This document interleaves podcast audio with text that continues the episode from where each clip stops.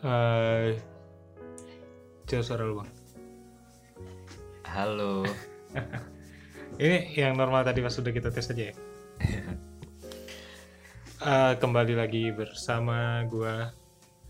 Ah males gue opening kayak gitu tuh jijik tau gak sih lu? Ada apa yang opening? Ya. Hmm, Waktu apa pun kalian mendengarkan, semoga hari kalian indah. Kembali lagi di podcast Syah Syahdu. Candu bincang di podcast. Candu bincang di podcast. Bincang Syahdu podcast. Enggak, candu itu Oh, Bincang Syahdu. itu dari bincang syadu. Iya. Apa singkatan dari bincang syadu? Podcast Candu by Audi Apreza. Dan kali ini dengan senang hati saya memperkenalkan diri sebagai tamu di podcast pada episode kali ini. Lu kenalin diri sendiri dulu bentar. Ada Pijar Mardika as you know. Oke. Eh, akhirnya ketemu juga waktu kita men. Dikala kita tuh ngerencanain record ini tuh udah dari bulan Desember ya? Iya. dari bulan Desember bahkan. Dari bulan Desember berjalanlah Januari Februari. Sampai akhirnya kita nge-record di tengah-tengah masa pandemi. Betul. Karena gabut soalnya kemarin-kemarin emang sibuk gitu orangnya kayak iya lo Januari. Dari Desember. Simulasi magang. Magang mah udah lewat dong. Ya TA menyusun skripsi. Berarti sekarang lagi skripsi lagi nyusun ya? Ya padahal tadi katanya nggak mau nanyain kesibukan. Oh iya. Maksudnya apa ya kayak Males gitu nanya, "Ya, lagi sibuk apa sekarang? Ya anjing, lu lagi sibuk apa-apa. Tadi tuh barusan kita habis ke FIFA. Iya betul. Jadi FYI aja buat pendengar podcast Candu. Yang udah berjalan 60-an episode harusnya kalau ini udah tayang. Iya harusnya. akan segera ada saingan. Yoi. akan segera ada saingan. Dengerin aja nanti ya. Tunggu tanggalnya coming soon. Belum ada. podcast yang membuat kalian eargasm Itu Nah, Pijar nih mau bikin podcast katanya, lo Pijar nih. iya kalau emang bahasnya kayak gitu doakan saja ya siapa tahu terwujud Udah nanya-nanya alat ke gue soalnya. nanya alat nanya platform nggak ada yang Hey. belum nih Tapi pendistribusiannya udah udah paham lah ya. Iya, udah isi kuesioner Nah. udah udah bikin kuesioner Jadi lu berarti masih peduli kata orang ya? Iya jadi orang tuh harus menerima masukan biar nggak keras kepala Tapi kalau suatu saat dibilang ini gue bukan menggurui tapi apa ya? Ini ngasih kayak wanti-wanti. Ini ibaratnya gue jalan ke Bandung, gue bilang ini jalan ini jalan bebatu, yang ini jalannya lurus, yang ini jalan bebatu. nah, Mungkin beberapa bulan setelah lu start, terus temen-temen lu udah tahu, ada kalanya ah, apa namanya temen lo ada yang request bahas ini dong, bahas ini dong, bahas ini dong. Padahal lu nggak resah.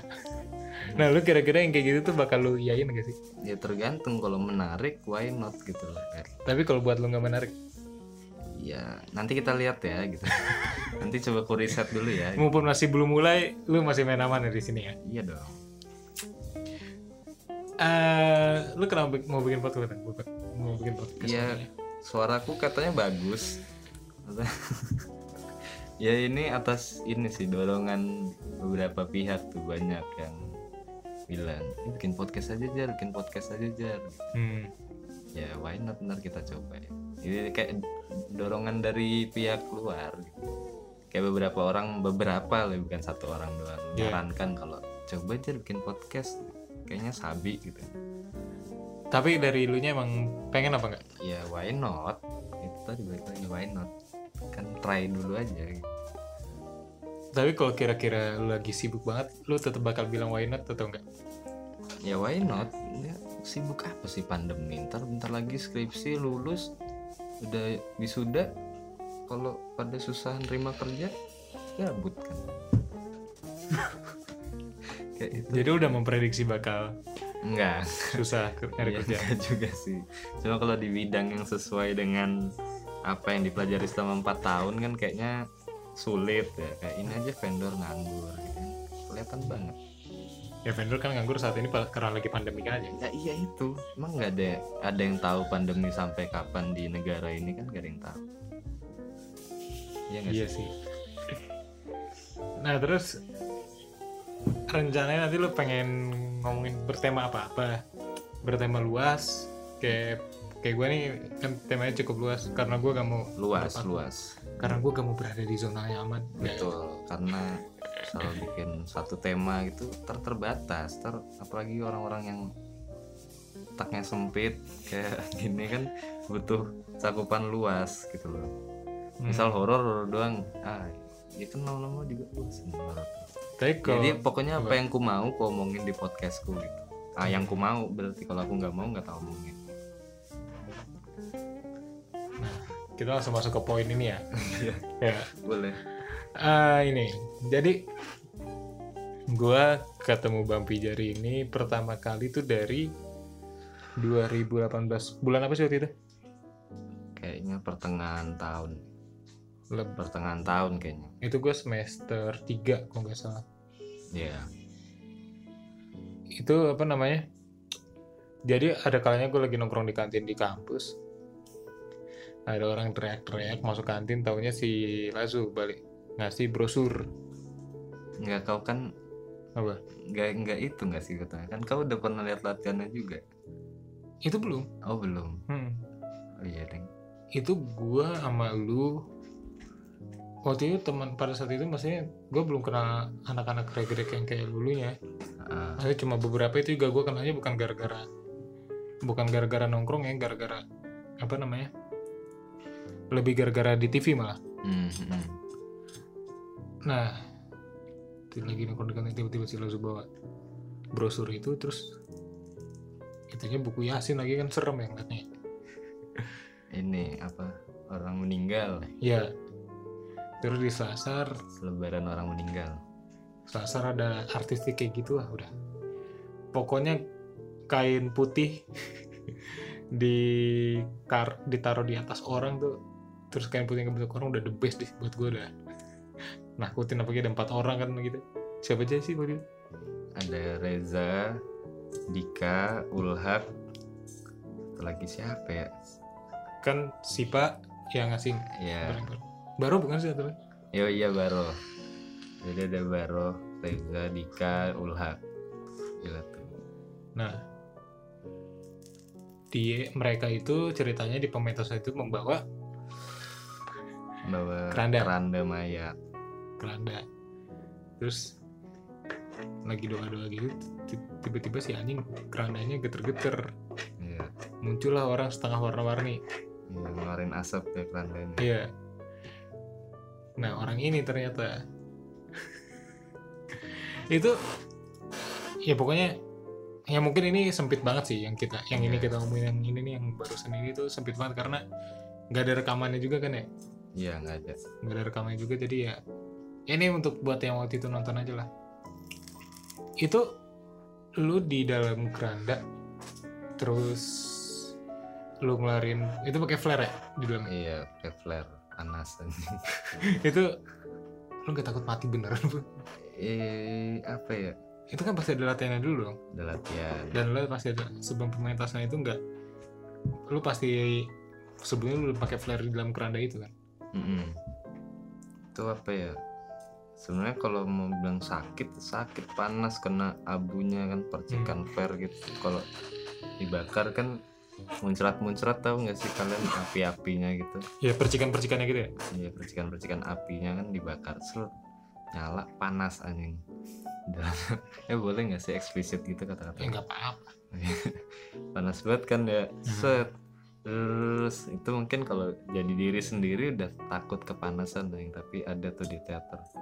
Apa dong kalau ya kalau dalam jalani peran nggak jadi diri sendiri jadi jadi orang lain gitu makanya kalau karakter itu nggak kepanasan harusnya tapi kalau pijar pasti kepanasan Hmm. pasti takut kena api ada latihannya Tapi kan ketika lu tidak menjadi pijar kan ada batasannya juga kan. iya lu tetap sih. berada di satu nyawa.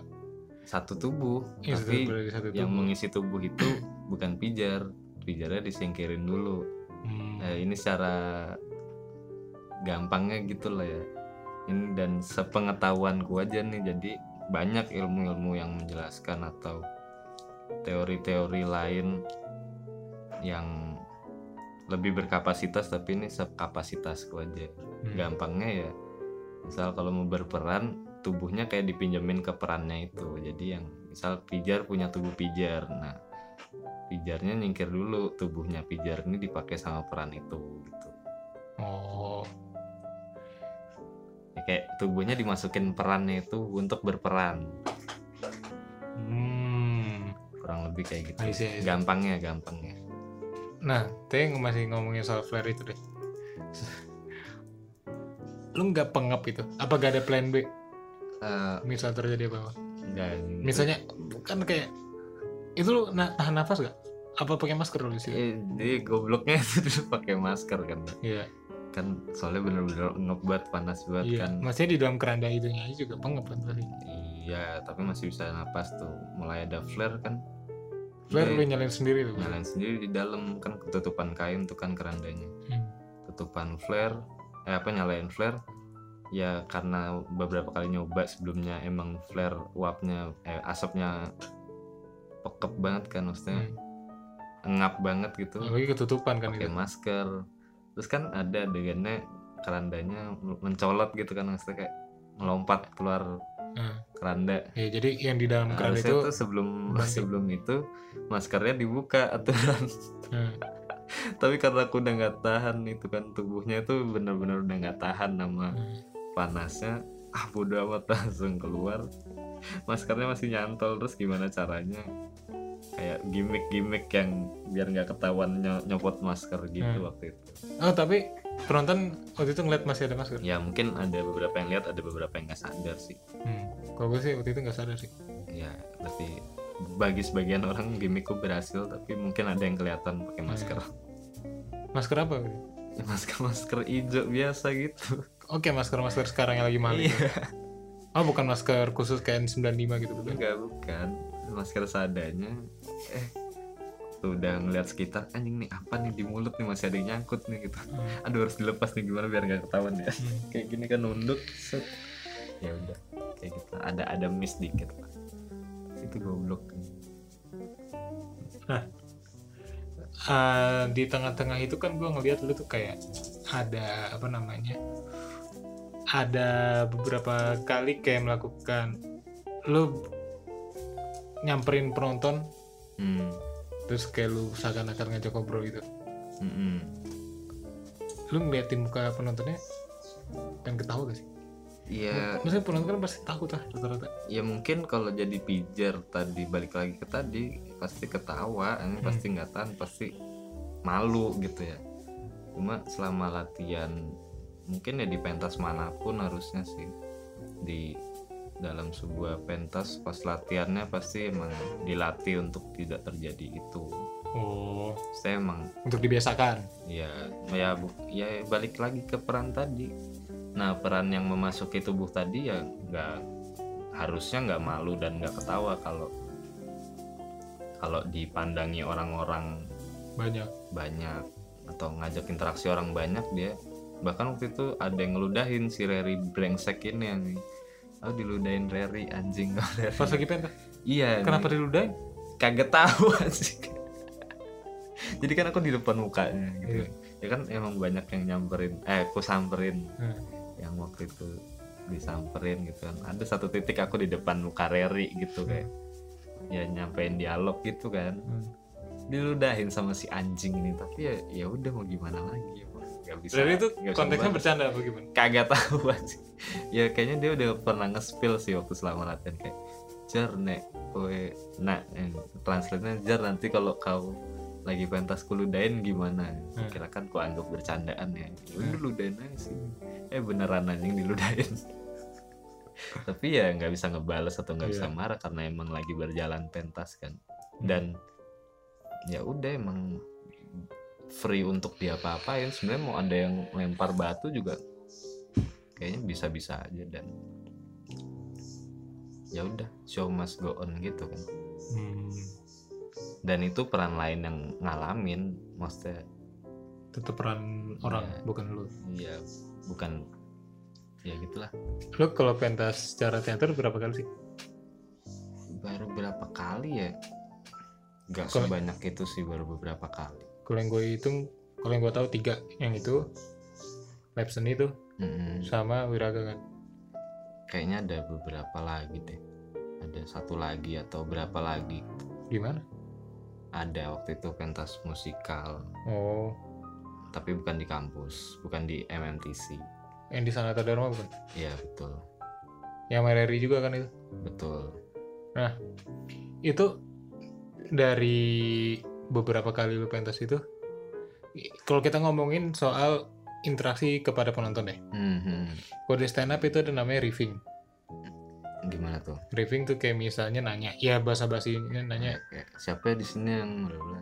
bukan. Kayak misalnya nunjuk nyamperin penonton atau nunjuk gitu. Ini mbak udah punya pacar belum? Mbaknya cantik nih. Oh. pasti pacaran gini-gini kayak gitu-gitu. Ah, itu kan namanya itu kan eh, bisa dibilang spontan lah. Mm-mm. Eh, misalnya mungkin pertanyaan awalnya di mana kita mau mulai dialognya itu kita disiapin. Tapi kan responnya apa pun kan setelah itu kita eh, namanya spontan.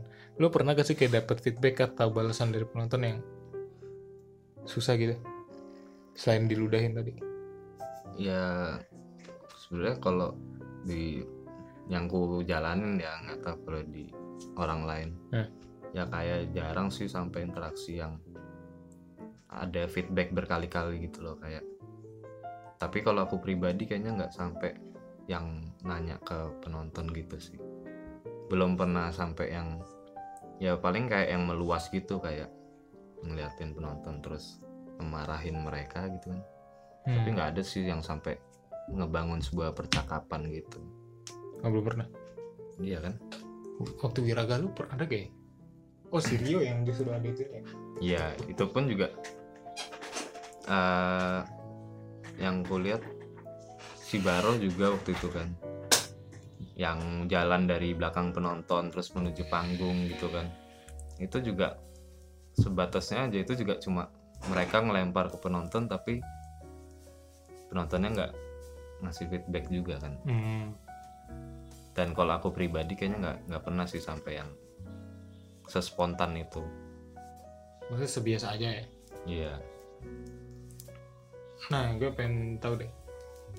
Lu tuh kalau dari lu pribadi tuh lu bisa ter tertarik masuk pengaktoran tuh kenapa? Dan kita jangan ngomong aktornya deh. Teaternya. ya Kan keaktoran film juga jadi gini kan sebenarnya. Jadi di MMTC kita tercinta tuh kan ada yang ada UKM teater ya namanya Rai Gedek. Hmm. sebenarnya awalnya tuh emang nggak kepikiran masuk teater. Sama sekali. sama sekali. Cuma ada tuh satu titik itu itu pun juga aku masuknya telat gitu loh baru baru semester berapa ya? Empat apa ya? Sama kayak Lazu berarti. empat atau lima gitu baru mulai masuk lupa deh antaranya pokoknya orang-orang udah daripada semester 1 semester 2 aku baru semester 4 apa 5 gitu kan Hmm. terus Sebelumnya gitu, lu nggak nggak ada UKM. ada FFM Hmm. lebih biasa ke film apa multimedia gitu kan cuma ada tuh di satu titik waktu itu diajakin masuk teater terus kayak mikir kan kayaknya bisa nih Nah, sebenarnya mau masuk teater tuh pengen tahu gimana sih metode penyutradaraan kalau di teater gitu kan Nah, iya. siapa tahu nantinya bisa berguna di film gitu kan Oh berarti awalnya lu ya, Eh, ke film lah mungkin fokusnya ke arahnya. film. ya arahnya sih tapi mungkin nggak terlalu fokus banget gitu kan Hmm. Hmm, waktu itu ada tuh aku masuknya bareng Galih kalau kalian tahu namanya Galih Lalu tuh yang ini bukan sih yang sorry fashionnya indie banget itu ya pakai kacamata itu. ya gitulah Terus nah ada tuh pokoknya bareng dia dengan dengan niat masuk teater tuh pengen tahu gimana sih penyutradaraan kalau dalam teater gitu Hmm. kan. Yang mana tahu nanti berguna di film. Terus ya udah iseng lah masuk. Gitu tuh ada jadi satu kegiatan teater namanya lab seni prokernya ternyata waktu aku masuk tuh langsung deket-deket lab seni. Hmm. deket-deket acara lab seni itu kan terus dibagi kelompok gitu dan lain-lain. Eh kelompoknya nunjuk aku jadi aktor gitu. Hmm. Padahal aku belum pernah sama sekali baru banget masuk nggak tahu sama sekali teater gimana terus ya udah kayak ya udah udah nggak apa-apa udah jadi aktor terus ya udah aku kan pikirku oh malah kayaknya malah jadi lebih tahu kan maksudnya metode penyutradaraan Iya. kalau jadi yang disutradarain gitu kan ya udah Karena aktor itu menurut gua di yang namanya produksi sebuah pementasan teater dia ikut semua kan. iya Ikut partisipasi, partisipasi juga. Iya, selain sutradara gitu kan Hmm. dan pikirku gitu mana padahal sebelumnya emang nggak pernah di lebih biasa di belakang layar gitu kan di belakang layar. Nggak pernah di kampus tuh di depan layar atau yang jadi tontonan gitu. Tapi ya udah kita coba aja lah. karena emang orangnya suka nyoba kan. Hmm. Alias tai terus ya udah tuh jadilah jadilah aktor lab seni jadi apa jadi pohon gitu pohon bisa ngomong Hmm. Satu lagi siapa tuh yang cewek? ada namanya Tita Oh lupa. Tita Ulfiani terus bareng Kinan juga Hmm. itu padahal aku udah tua teman-teman sekelompok angkatan di bawah semua kan Sutradara siapa tuh?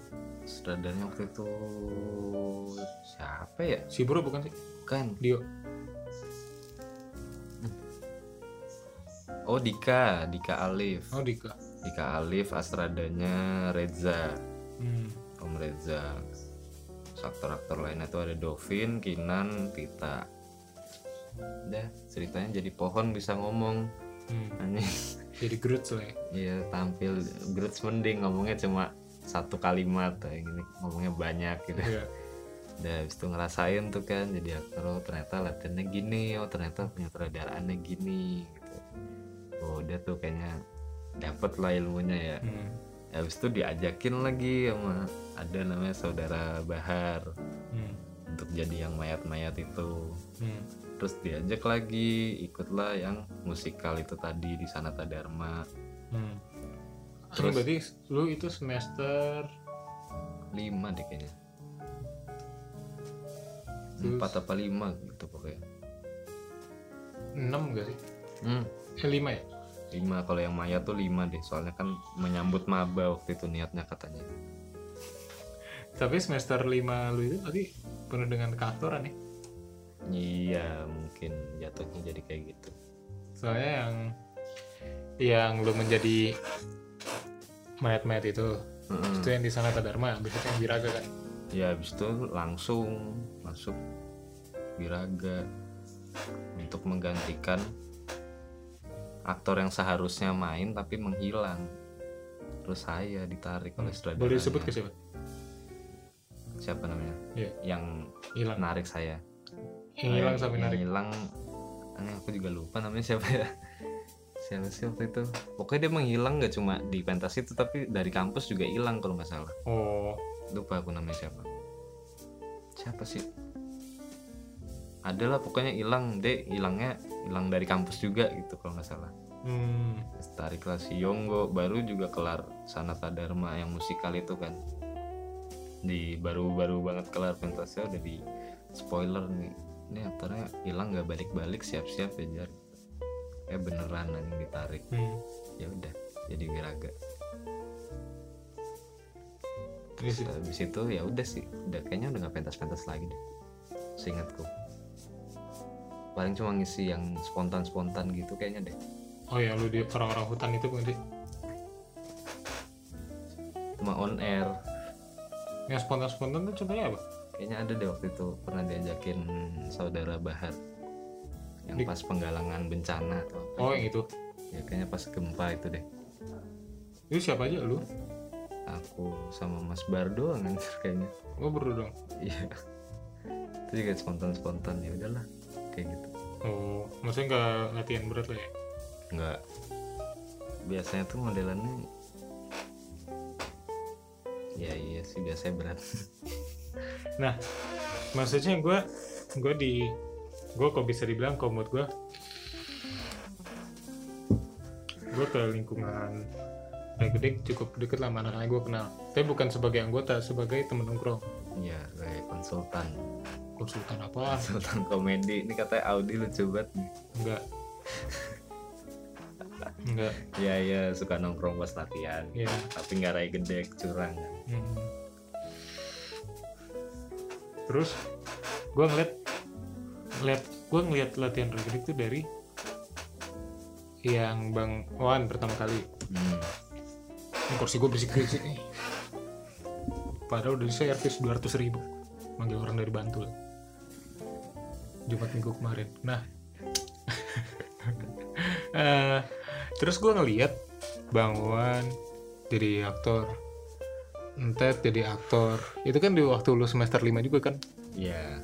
terus setelah itu eh, Bang eh, Bang Wan setahun kemudian kan Bang Wan di lab seni gue gak ngeliat sih itu.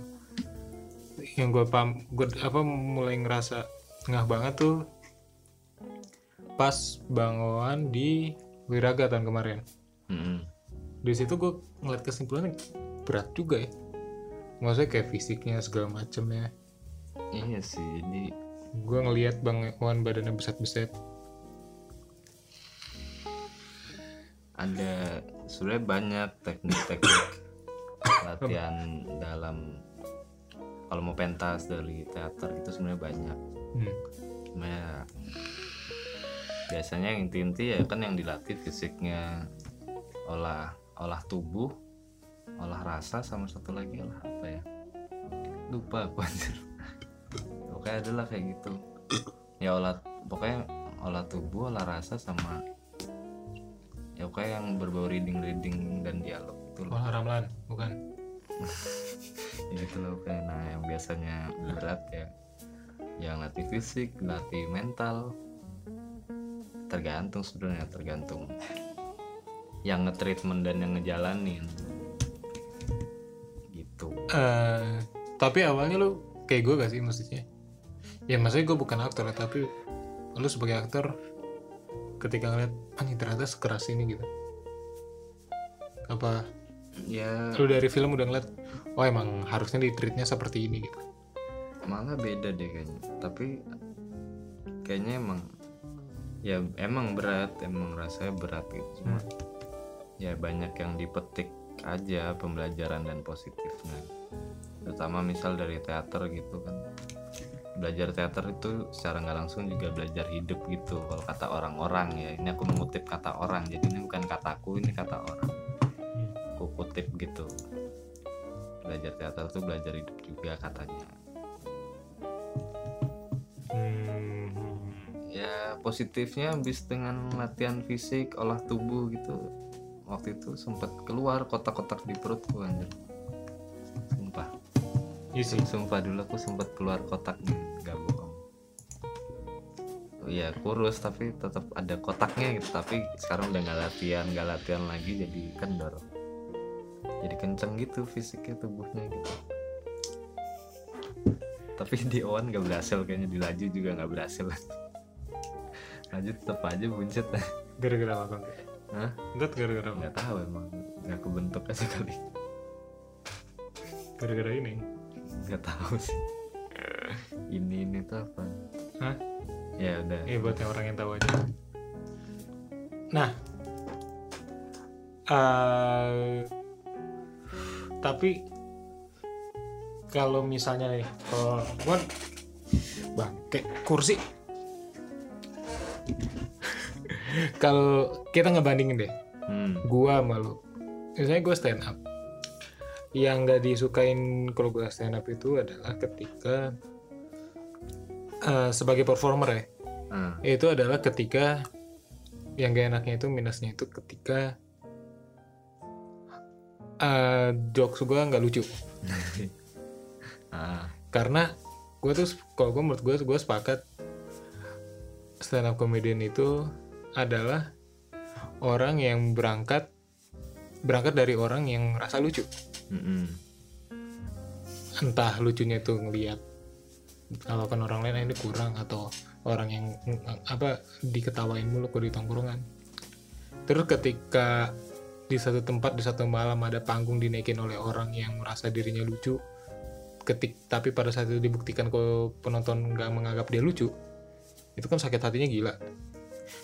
Nah gak enaknya tuh di situ kalau buat gue hmm. kalau lu sebagai aktor tuh yang kayak gitunya tuh yang tipe kayak gini tuh ketika apa apa ya kayaknya beda konteks sih soalnya kan hmm, oke sorry gue persempit lagi Ah. stand up itu missnya se perform se- se- sebuah perform stand up itu bisa dibilang miss ketika jokesnya nggak kena mm-mm. bahkan jokesnya lebih nggak lebih miss jokesnya nggak kena dibanding ceritanya nggak masuk Hmm. sedangkan kalau di teater tuh missnya ketika apa mungkin missnya misal kalau di stand up miss atau gagalnya penonton gak ketawa ya. Mungkin kalau di teater atau sebuah pentas kayaknya bukan teater nih kalau lagi pentas Hmm. itu kayaknya missnya kalau pesannya gak kesampaian sih. Hmm. Kayaknya. Ya itu menurutku sih ya menurutku dengan kapasitasku yang belum seberapa. Ambil aman banget ngomong ya emang bener emang, Iya. emang banyak yang lebih tinggi dan aku bicara sesuai kapasitasku aja Hmm. gitu. Soalnya kalau berharap feedback kayak diketawain atau penonton nangis itu kayaknya bonus sih Kayak bonus Hmm. aja gitu. Toh kadang tuh di panggung juga nggak kelihatan aja raut penonton kayak gimana. Ya siapa lagi kalau tampil malam terus lightingnya nembak banget ke panggung. Iya. Eh, masa paling seneng wah ini gue seneng banget nih di panggung itu ketika masa apa? Pas udah kelar pentasnya kan kayak udah terlepas kan harusnya dari perannya. Atau ketika lu misalnya apa ya? Waktu lu di Wiraga lu itu itu kan lu menjadi gubernur yang memegang tongkat. Heeh, terus lu menari-nari dengan tongkat itu. Heeh. ada kalanya gak sih? Gue gue lupa deh. Bukan gue ngemeratin ya gue lupa. Ada kalanya lu mainin tongkat itu lu, lu, lu lempar-lempar. Pas lu lompat lu pegang pas lu jadi lu main trik dengan tongkat itu terus ada penonton wih gitu. Ada gak sih? Nggak tahu. Ah. nggak dengar juga sih kayaknya. Bisa diam nggak kursinya nih? Sih sorry sorry. Ya udah. Oke. Apa ya? Ya sebenarnya kayak kalau bi- biasanya sih kalau lagi pentas gitu lebih fokus ke playnya nggak sih? Maksudnya play yang diperankannya nggak sih kayak mau penonton nonton apa apa gitu kan bukan tugas kita untuk bangunin mereka gitu nggak sih? Kayak kayak ya udah kita fokus sama cerita kita kecuali apa pentasnya emang yang membutuhkan feedback dari penonton gitu. Contohnya apa kan ludruk ya? Ya mungkin kayak yang banyak nanya ke penonton gitu kan. Eh penonton! Hmm. ketoprak gitu gitu ya kayaknya yang biasanya aku jalanin atau aku mainin tuh kayaknya yang nggak terlalu campur tangan penonton banget gitu. Jadi kayak Hmm. emang yang ditonton gitu. Jadi murni penonton ngumpul depannya ada panggung ada sebuah kejadian seperti ini gitu. Ya mungkin kayak gitu sih. Jadi sebenarnya scene sebuah tempat di suatu waktu dipindahkan ke depan penonton. Ya kurang lebih kayak gitu kan jadi kayak jadi murni ke cerita ya bukan ke feedback ya? Iya sih lebih ke menunjukkan menampilkan cerita gitu nggak sih jadi kayak Iya sih. mau penonton misal misal misal stand up ya mungkin senangkapku kayak misal stand up wah kurang ketahuan nih kayaknya gue harus lebih misal dia act out gitu gue harus lebih act out lagi nih harus Hmm. lebih lebay lagi nih gue harus lebih Hmm. nggak masuk akal lagi nih Nah, misalnya kayak soalnya gitu ya. ekot gue kurang mewakilkan Ah, tapi Hmm. kalau di teater masa lihat penontonnya gimana biasanya enggak sih ya kayak wah penonton kayaknya perang ini gue harus lebih lebay gitu. Kayaknya kayaknya enggak Hmm. enggak sampai segitunya sih kalau aku pribadi. Tapi ada biasanya misal misal di dari awal muncul gitu. Misal ada nih pemain yang dari awal muncul oh udah dapat atensi penonton nih udah. Hmm. penonton udah banyak ketawa nih misalnya oh penonton kayaknya seneng nih sama gue gitu kan. Hmm. dia biasanya ini kayak apa?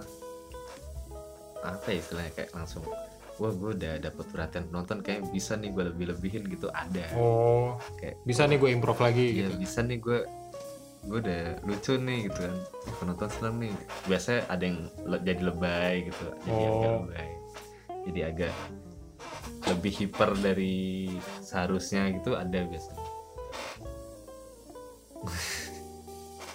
Nah sih. Luas banget sih soalnya kalau dibilang teater. Iya. Ntar ini kursi gue nih Teater ganggu banget gak sih? Nggak tahu. Jadi malam ini kita featuring kursi nyat nyet gimana caranya? Udah biarin deh. Em, kita ke poin ini sekarang. Ya boleh. Eh, oke. Kita singkirkan dulu rasa perakuran itu.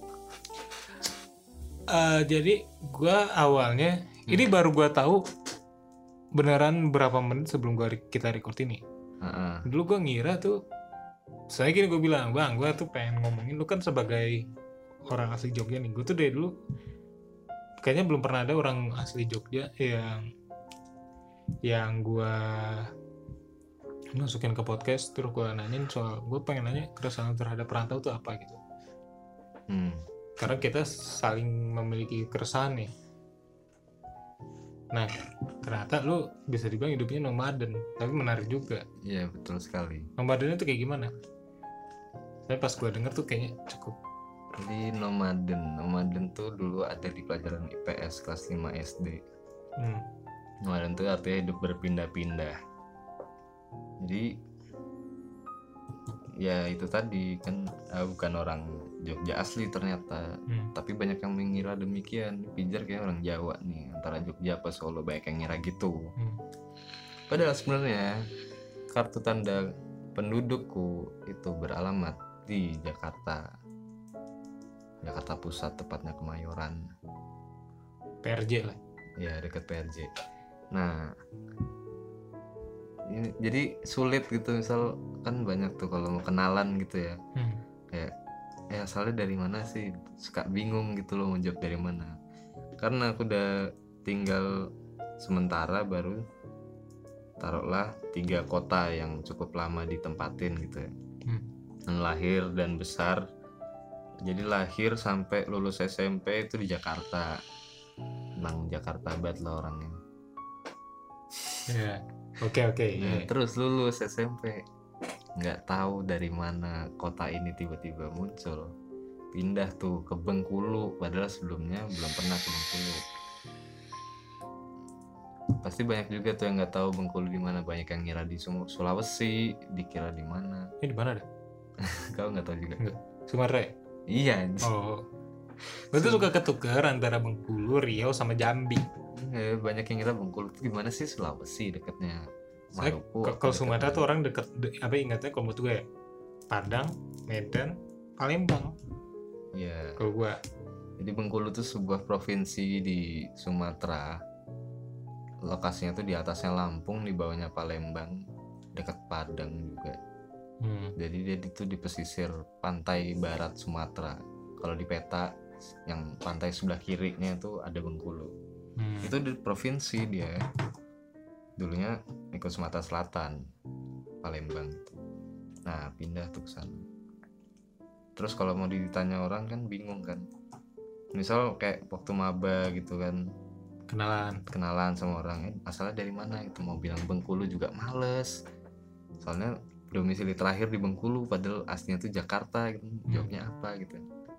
Jawab aja lah dari Jakarta tapi terakhir di Bengkulu gitu. Hmm. tapi kan sebenarnya orang juga cuma butuh satu jawaban gitu kan. Hmm. Kan bingung ya harus nentuin. Eh sorry, apa. bentar, sorry gue stop. Ntar lanjut. Lu berarti bikin KTP ketika po- po- posisi lu lagi di Bengkulu dong? Iya, Berarti lu ke Jakarta dulu untuk bikin KTP tuh? iya dong harusnya Hmm. Ke Jakarta dulu. Karena emang jadi rumahnya ada rumah di Jakarta, ada rumah di Bengkulu kemarin. Oh. Ya sama kayak gue sih, gue KTP gue tuh Jakarta, tapi rumah gue di Bogor. Gitu. Hmm. Terus sekarang rumahnya juga di Jogja. Jadi makin bingung mau jawab mana, mau orang Jogja atau orang Jakarta atau orang Bengkulu. Kayak lama-lama krisis identitas gitu. Hmm. Ya nggak sih? Ya, Mau ditanya dari mana itu? Sekarang rumahnya di Jogja. Tapi KTP Jakarta, tapi sebelum kuliah di Bengkulu. Tiga tahun tuh di Bengkulu selama SMA. nah tapi ternyata tuh kalau dilihat-lihat tuh banyak teman-teman gue yang ternyata seperti seperti lu jar. Yang apa sering apa nomaden kayak gitu. Nah kalau dari lu tuh lu lebih seneng menetap apa kagak sih? Ya harusnya ya tetap di Jakarta anjing. Harusnya? Iya ngapain pindah ke Bengkulu anjing? Kota nggak jelas anjing. iya itu kota Ini diserang orang Bengkulu. kayak hmm, di antara peradaban maju Sumatera Hmm. dikelilingi Lampung Palembang Padang Medan. bahkan Riau aja lebih maju daripada Bengkulu. Jambi lebih maju daripada Bengkulu. Bengkulu tuh bener-bener ah. Terus Sumatera. Kan nggak bisa ya. Orang-orang di sana bahasanya aneh pakai bahasa apa emang? Bahasa, bahasa Bengkulu. Kayak gimana contohnya bahasa mirip Bengkulu? Palembang campuran Palembang Padang Melayu. Kayak diupin-ipin tapi lebih complicated gitu kan. Eh, ya apalagi Jakarta gitu udah biasa lo gua lo gua. Nggak ada di sana yang ngomong lo gua lo gua. Aku kamu juga deh enggak ada namanya ambo kau. Aku tuh bisa ambo bisa awak bisa aku. Nah gue pengen tahu deh kayak awa itu kan bisa saya Mm. bisa kamu kan? Mm-mm. nah gimana? Kan nggak mungkin ketika ada ngomong "Hmm, awa udah makan. Nih awa itu maksudnya gua apa lu? Kan nggak mungkin lu ngomong kayak gitu kan? I- nah gimana caranya lu ngebedainnya? Ya ya ya karena terbiasa karena emang udah tahu maksudnya dia. Contohnya deh. Coba deh. Coba sebut baca sebutin atau bacakan misal dua kalimat menggunakan kata yang sama padahal maksudnya berbeda. Misalnya awak deh. Tapi awak tuh biasanya hmm, lebih kayak ah aduh, susah ngejelasin ilmu bahasa ya ini ya. Eh contohnya apa deh? Misal eh ya kan dari lu gua gak kenal. sebenarnya ya ya ada yang nggunain kata ganti kamu dengan awak cuma jarang. yang udah pasti kalau itu ditunjukkan untuk mengganti kata kamu gitu loh. Itu jarang ya ya justru itu biar nggak ambigu. Oh apa tuh? Iya misal.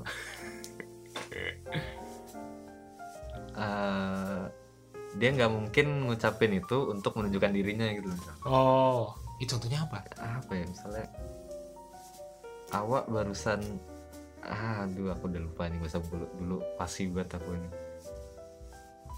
Ah ya sebenarnya di Bengkulu ja, nggak terlalu mayoritas gitu loh awak dipakai buat kata ganti kamu gitu. Hmm. biasanya lebih di Padang ya biasanya. Iya. Di Padang biasanya sesering itu kan kata ganti kamu jadi awak. Cuma di Bengkulu nggak semayoritas itu jadi ya mungkin kadang juga ada yang nanya maksudnya awak kok kawat tuh awak? Nah, kayak gitu-gitu masih suka? Ya mungkin daripada bingung nanya aja nggak sih? Iya sih tapi lu deh waktu lu.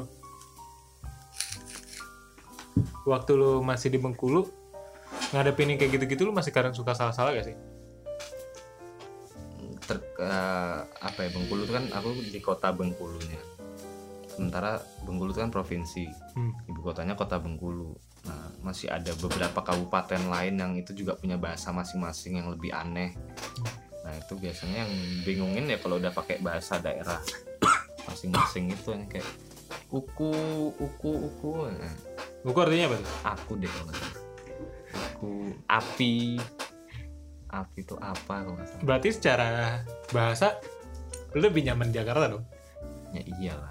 Itu aku dari Jakarta biasanya ngomong lo gua bahasa Indonesiaan ini datang ke Bengkulu.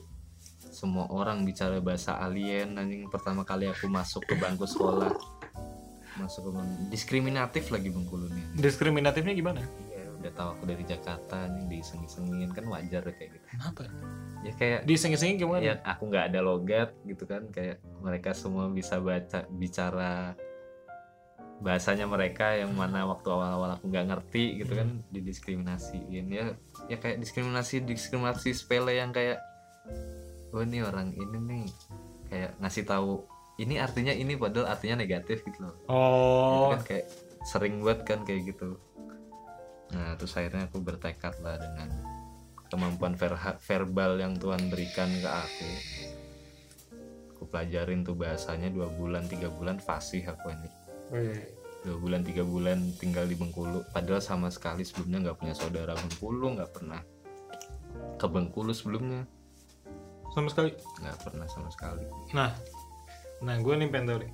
Gue kan orangnya gak pernah bukan gak pernah sih ya gak suka traveling gue kayak jalan-jalan dari satu kota naik gunung gitu-gitu gue males gue kayak gue kok keluar kota aja selain Jogja Bandung. Ya masih kita kisaran Jawa lah ya. Padang gue paling jauh naik pesawat. Nah Bengkulu tuh tipe kotanya tuh kayak gimana sih? Di kotanya tuh tipe kota pesisir pantai gitu jadi kayak eh buat yang nggak tahu. Kayak Miami gitu enggak? Oh enggak se-Miami lah ya. Buat yang nggak tahu nih ya Bengkulu tuh provinsi di mana ditemukannya bunga bangkai Rafflesia arnoldi. Hmm. jadi Bengkulu tuh bumi Rafflesia kata orang-orang. Udah udah kotanya terbelakang yang dibanggain bunga bangkai kan kayak bunga itu bau mekarnya juga jarang-jarang. Jarang banget ditemuin ada musimnya itu Tapi pernah nemuin ngeliat bunga bangkai secara langsung nggak? nggak anjing harus masuk hutan-hutan jelajahi mendaki Oh tapi maksudnya turun. nggak yang yang bunganya? bukan di kotanya bukan sembarangan di rumput terus ketemu gitu Oh bukan. bukan yang di pinggir jalan wah ada Rafflesia Arnold ini enggak Oh tapi harus masuk hutan dulu naik gunung turun air terjun kayak gitu gitu tuh tapi berarti bukan tumbuhan yang kan kalau di Bogor tuh ada tuh. Tapi dilindungi dia. ya itu makanya langka kan dilindungi karena langka dan sulit gitu kan Hmm. kayak ya kayak gitu kalau di Bogor kan yang panjang gitu kan Iya ini yang mekar merah yang ada di kebun gitu. raya gitu. Nah di Bengkulu tuh ini kotanya tuh kayak apa ya bupatinya siapa sih? ada wali kota dong Oh iya. wali kotanya aja terjerat korupsi yang terakhir ini nggak tahu siapanya sebelum yang sekarang PLT deh kayaknya. Atau wakilnya naik gubernurnya eh apa? Ya gubernurnya ya wali kotanya aneh semua. Pokoknya kotanya tuh tipe-tipe apa ya tipikal Sumatera lah keras-keras gitu. Kalau Jawa kan kelihatan banget halus ramah tuh ternyata beneran. Iya. di Jawa tuh orangnya halus-halus ramah bla bla bla. Di Sunda katanya nggak bisa marah gitu kan halus-halus. Hmm. Ah. Di Bengkulu. eh iya di Sumatera. Oh. ya pantesan Medan kayak gitu. Kan belum aja ditodong orang Sunda. ya pokoknya intinya orang-orang yang keras-keras lah Bengkulu. Hmm. yang ngomongnya kasar bahkan sama orang tua aja tetap bisa manggil ambo kau gitu loh. Ambo tuh berarti Ambo tuh bukan bahasa ambo masih aman sih maksudnya kayak ya kalau kaunya itu loh kayak kau kok gitu kan. Oh. manggil orang tua pakai kawan kan. Shock aku ya. Nah, awal pindah gitu dengerin temen teleponan sama orang tuanya. Woi kau kok lulus? Manggil bapak ibu pakai anjing dengan kata ganti anjing. tapi udah biasa di situ. biasa itu mayoritas bukan bukan dia yang nakal tapi emang banyak yang kayak gitu. Nanti gara-gara itu lo ikut-ikutan manggil orang tua lo pakai kau? enggak di Bengkulu pun aku tetap bahasa Indonesia yang halus dan tertata kan Nah. itu, kasar dan bodoh anjing kalau tahu UN UN kalau kalian beli buku detik-detik LKS Iya, detik-detik tahu. menuju UN kan Iya. SD itu kan biasa di sampul belakangnya tuh ada tuh ranking name tiap provinsi gitu Iya, tertinggi di rumah. ya rata-rata name di provinsi ini sekian sekian sekian. Hmm. dari 34 provinsi di Indonesia Bengkulu tuh masuk tuh 9 apa 30-an gitu. Apa? tolol banget dari 34 provinsi urutan rata-rata name ujian nasional SMA orang Bengkulu itu udah 9 apa 30-an gitu. Kalah sama Papua. Papua yang bukan Papua Barat. Hmm. anjing.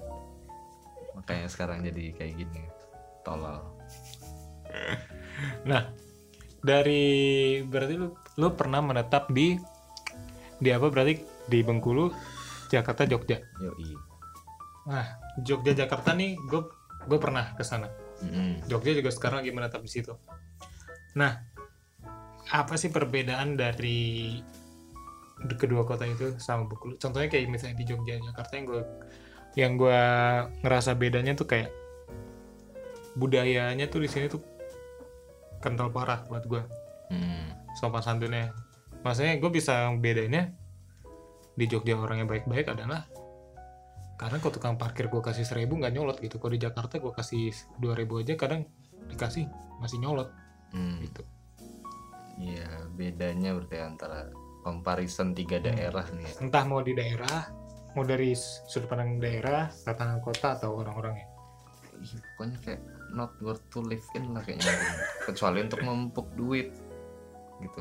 Makanya apa tuh bisnis yang kenceng di situ ya makanya mungkin bapakku kerja di Bengkulu kan mau memupuk duit di sana biar bisa beli rumah di Jogja. Nah, hmm. nah sekarang udah beli rumah di Jogja gitu. tapi UMR lebih gede mana Kayaknya Bengkulu deh. hmm. Jogja tuh mau dibandingin mana juga kayaknya paling kecil deh.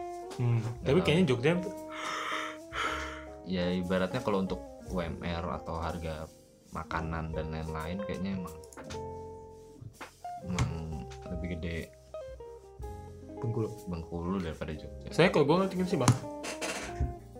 Kalau Bengkulu tuh lebih Bengkulu Jakarta ya itu untuk, untuk orang kerja. Nah, sedangkan Jogja untuk orang tinggal. Ya. Kok gue ngerasa gitu? Maksudnya gedung tinggi di sini apa? Kantor yang gedung tinggi ada sih di Jogja? Kayaknya nggak ada deh. Ya betul. yang gedung-gedung tinggi paling hotel Iya, kan lahannya masih luas-luas di Bengkulu pun juga kayak gitu. hmm. Rumahnya ya tipikal rumah-rumah lebar yang nggak tingkat. Di Jakarta rumah tingkat-tingkat, gedung tingkat-tingkat karena lahannya kurang. Hmm. Itu tata kota basic boy. citizen banget Itu basic tata kota. ya gue kan bukan itu kan Gua basic, STM. basic banget itu. ya gue naik STM paham gue Kenapa kenapa di Jogja Jawa rumahnya halamannya luas tapi lebih kayak melebar gitu kan? Ya, karena lahannya luas. Di Bengkulu juga kayak gitu. Di Jakarta mau kayak gitu cuma orang kaya banget. hmm. kaya dan orang kaya aja banyak yang rumahnya masih tingkat. Iya sih Ya, kaya banget baru dia bisa rumahnya luas gitu. Ya kan? iya sih rumah-rumah pondok indah lah gitu gitu ya Iya itu Pondok Indah juga pinggir jalan raya, nggak bisa luas-luas banget. iya maksudnya bukan masuk perumahan gitu Iya. Ya, jelek lah Bengkulu. Ya, maafkan teman-teman Bengkulu. Gitu. Ini aku juga udah jadi public enemy teman-teman Bengkulu deh kayaknya. gara-gara Nggak tahu. Aku nggak ke sana-sana lagi kali. yang kan dimusuhin juga lah Tahu banyak yang sombong banget nih gitu. tapi lu kalau betah-betahan tinggal di mana Ya Jogja sih harusnya. Jogja tinggal sendiri dan dikasih uang bulanan. Betah banget itu. Ini rumahan juga susah juga sama. kenapa Ya kan duitnya nggak bulanan gitu. Jadi kalau habis baru minta gitu. oh kayak kok cepet banget habisnya gitu oh jadi lu gak bisa nggak bisa sebebas itu lah hmm.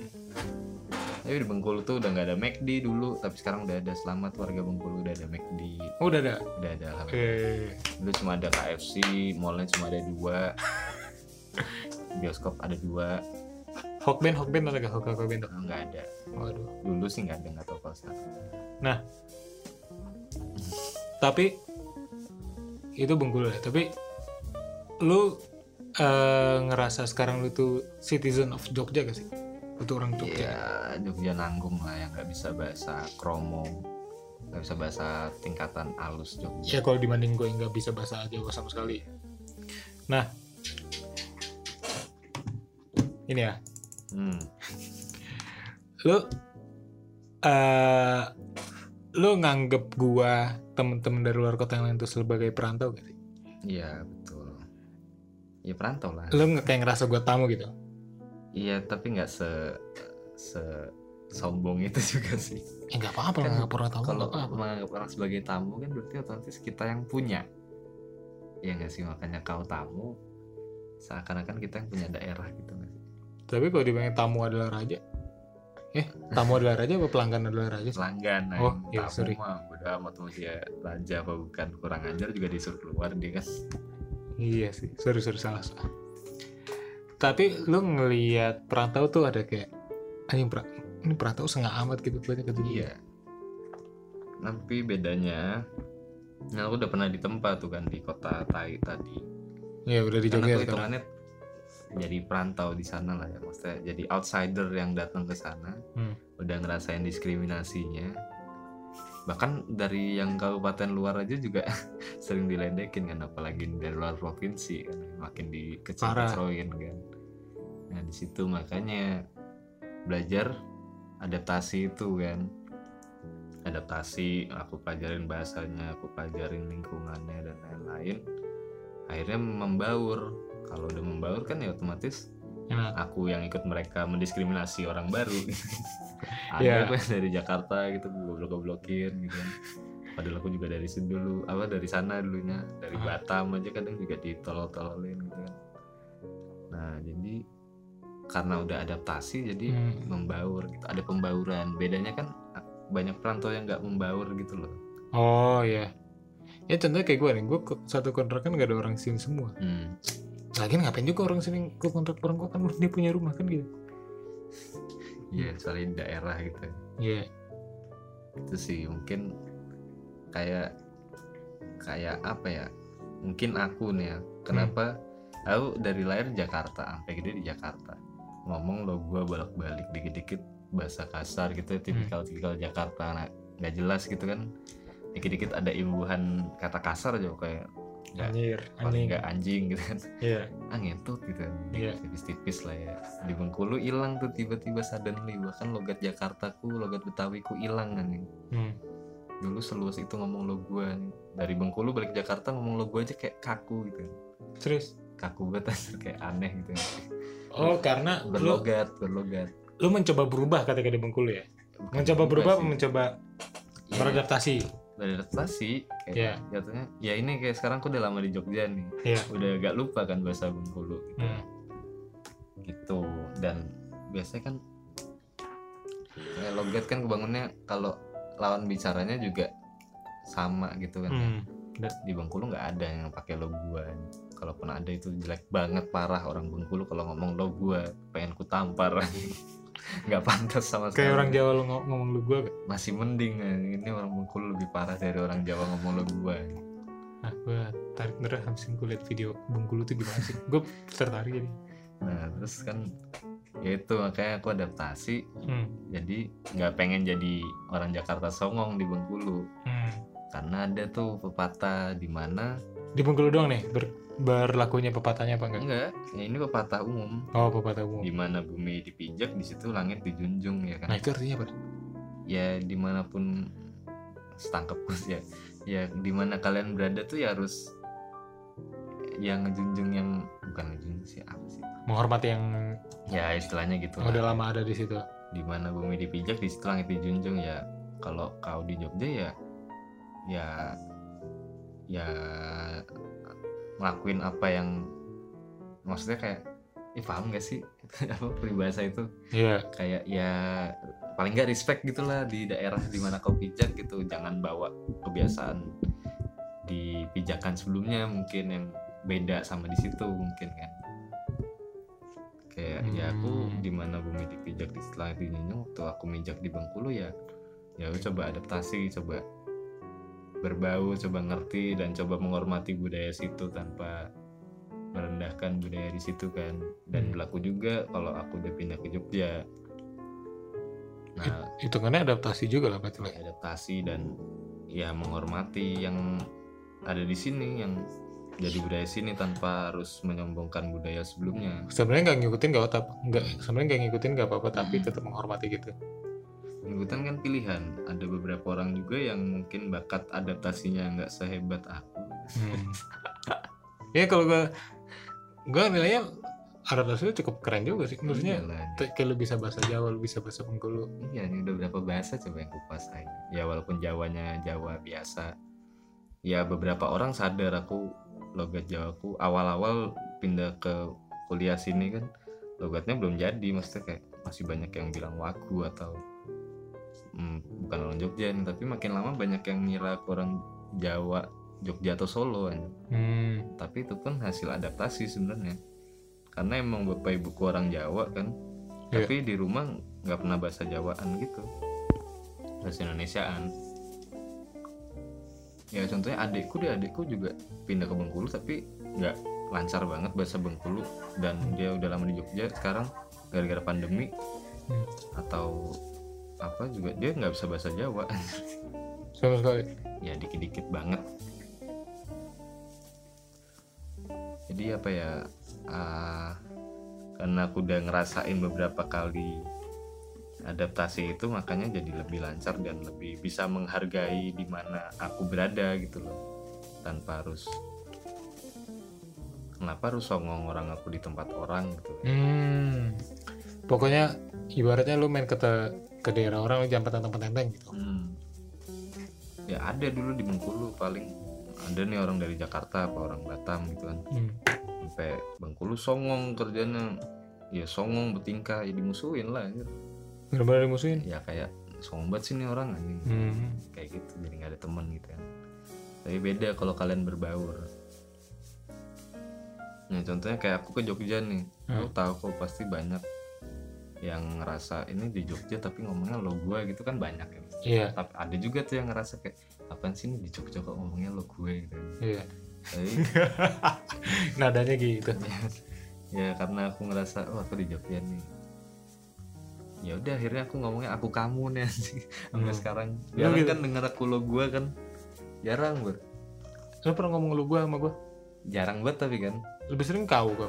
Nah iya karena itu karena ya udah aku udah di Jogja kayak kebiasaan aja. Jadi aku ngomong lo gue tuh cuma ke beberapa kehitung jari deh sama orang-orang yang dari Jabodetabek doang. Bahkan kadang sama orang Jabodetabek pun ngomongnya aku kamu. Padahal kalau kita di Jakarta ngomong cowok ngomong aku kamu kayak banci iya. Kayak dulu kayak anjing apaan sih aku kamu ini? Iya. Kayak di Jakarta untuk ngomong ke cewek kalau buat gue ya Iya. ngomong ke cewek bisa aku kamu tuh, tuh. Lu harus deket banget gitu. Hmm. kayak kayak pasti skeptis gitu kan kalau kita di Jakarta ada ya lo gue bahasanya nih lo gue gitu kan Hmm. ada orang denger cowok gitu ngomong aku kamu gitu kayak Tapi kok di Jakarta ada orang ngomong aku kamu dan dia menggunakan bahasa misalnya logat Medan deh, Nah. dimaafin. Menggunakan dia maksudnya orang biasa gitu. ya ini kan logatku Indonesia gitu. iya.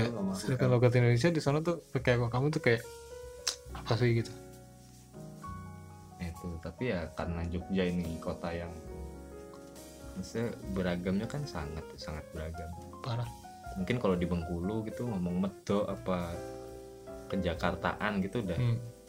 udah kayak kenotis banget kan kalau di sini kan karena emang beragam jadi ya jatuhnya biasa aja karena emang Oh. orang-orang udah tahu Jogja kota pelajar Jogja banyak kan Warna-warni lah. gitu warna-warni jadi kayak kayak udah nggak masalah gitu nggak sih beda kalau di Bengkulu yang mau warnanya beda jatuhnya kayak rasis diskriminasi gitu kan iya dong diskriminasi tahu aku dari Jakarta kan itu kan Oh. rasis Iya, iya, betul. iya nggak dong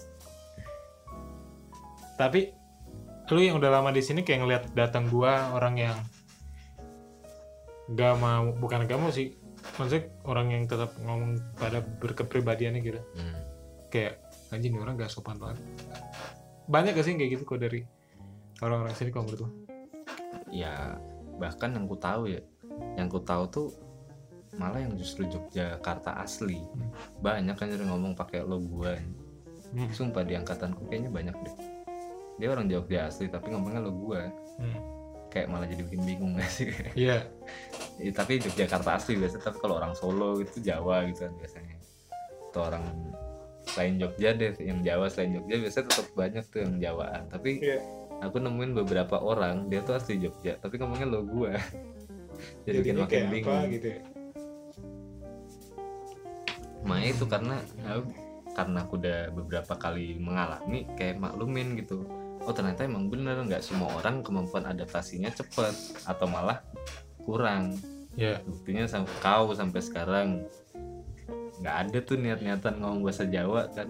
Iya, karena emang begini aja udah cukup mungkin. Iya, ah oh iya mungkin mungkin perantau-perantau yang ke Jogja karena emang di sini warna-warni dan maklum-maklum aja makanya mereka tetap ada rata-rata warnanya. tetap ada warnanya dan mempertahankan Iya, nah mungkin aku kemarin akhirnya ke Jogja-Jogjaan juga Hmm. kan di adaptasi sebelumnya mereka nggak kayak gitu kan iya, karena mereka minta dibaurin istilahnya lah ya Hmm. minta Lu harus patuh nih, gitu. Iya, kayaknya aku harus harus baur nih biar nggak biar Iya. aman gitu lah ya biar tetap keep in tetap ngejar gitu lah ya. Iya. kalau di sini kan karena banyak warnanya gitu makanya udah diwajarin. kayak udah wajar aja makanya tetap pada bahasa yang masing-masing jadi ada merah kuning hijau biru ungu terus tiba-tiba ada warna merah masukin nggak apa-apa gitu. Hmm, tapi menurut gue gue tetap mempertahankan karakter gue tuh ada manfaat juga deh maksudnya manfaatnya adalah gue jadi otomatis menyaring pertemanan gue hmm, bukannya gue bilang gue gak berteman sama orang sini tapi maksudnya kalau misalnya relate relatean soal kita ngomong cerita soal tongkrongan atau apa pasti gue lebih relate ketemu mahasiswa Jabodetabek juga dong. Hmm, dan juga ditambah kok gue ngomong lu gue dengan pokoknya se- se- sebatas itu gue nggak songong ya. Itu nyaring banget sih menyaring banget kayak kayak bukan temen yang bisa masuk gitu ya. Ya terus orang te- terus apa namanya orang jadi tahu otomatis tahu gue dari mana. Hmm, tanpa lu gue ngejelasin. Terus kalau gue di stand up juga gue jadi warna yang cukup beda alhamdulillah. Kalau di lingkungan Jogja gitu ya. Iya. Itu sih. Ya selama mereka nggak songong dengan rasis sih aman sih kalau di Jogja. Hmm.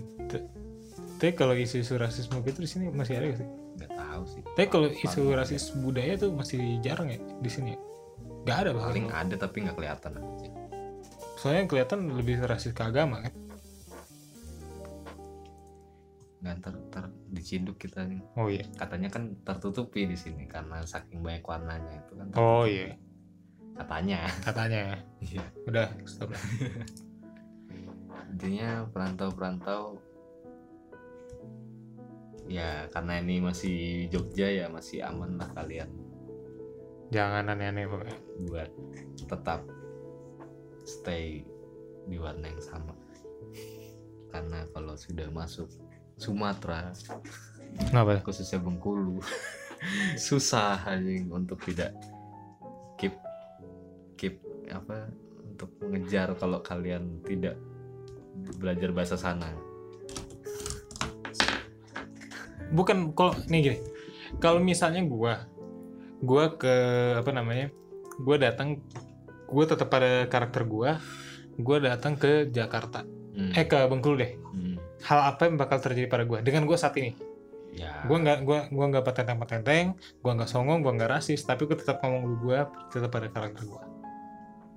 Ya mungkin apa ya mungkin dulu aku kan jatuhnya pas lingkungan SMA ya kayak gitu. otomatis langsung masuk kelas yang banyak orang Hmm. denger aku ngomong dikit mereka ketawa kan. Hmm. anjing diketawain loh orang ngomong bahasa Indonesia aja pada Hmm. ketawa. Ini pasti bukan orang sini ini bukan orang sini gitu. Iya. Ya langsung ke notice gitu kan. Cuma ya banyak kayak misal pendatang. Kayaknya sekarang udah mulai banyak deh yang lo gua datang ke Jakarta buka bisnis gitu. Cuma kayaknya tetap mesti belajar ini sih soalnya tahu sendiri kan keterbelakangan di sana. Sama aja kayak datang ke wilayah mana misal Belanda nih. Datang ke Indonesia terus belajar dikit-dikit dong biar bisa mengelabuhi bahasa apa orang-orang sini orang-orang dulu. gitu. Itu juga kalau orang luar mau menaklukkan sana otomatis ada backingan ini dulu nggak sih? Orang dekatnya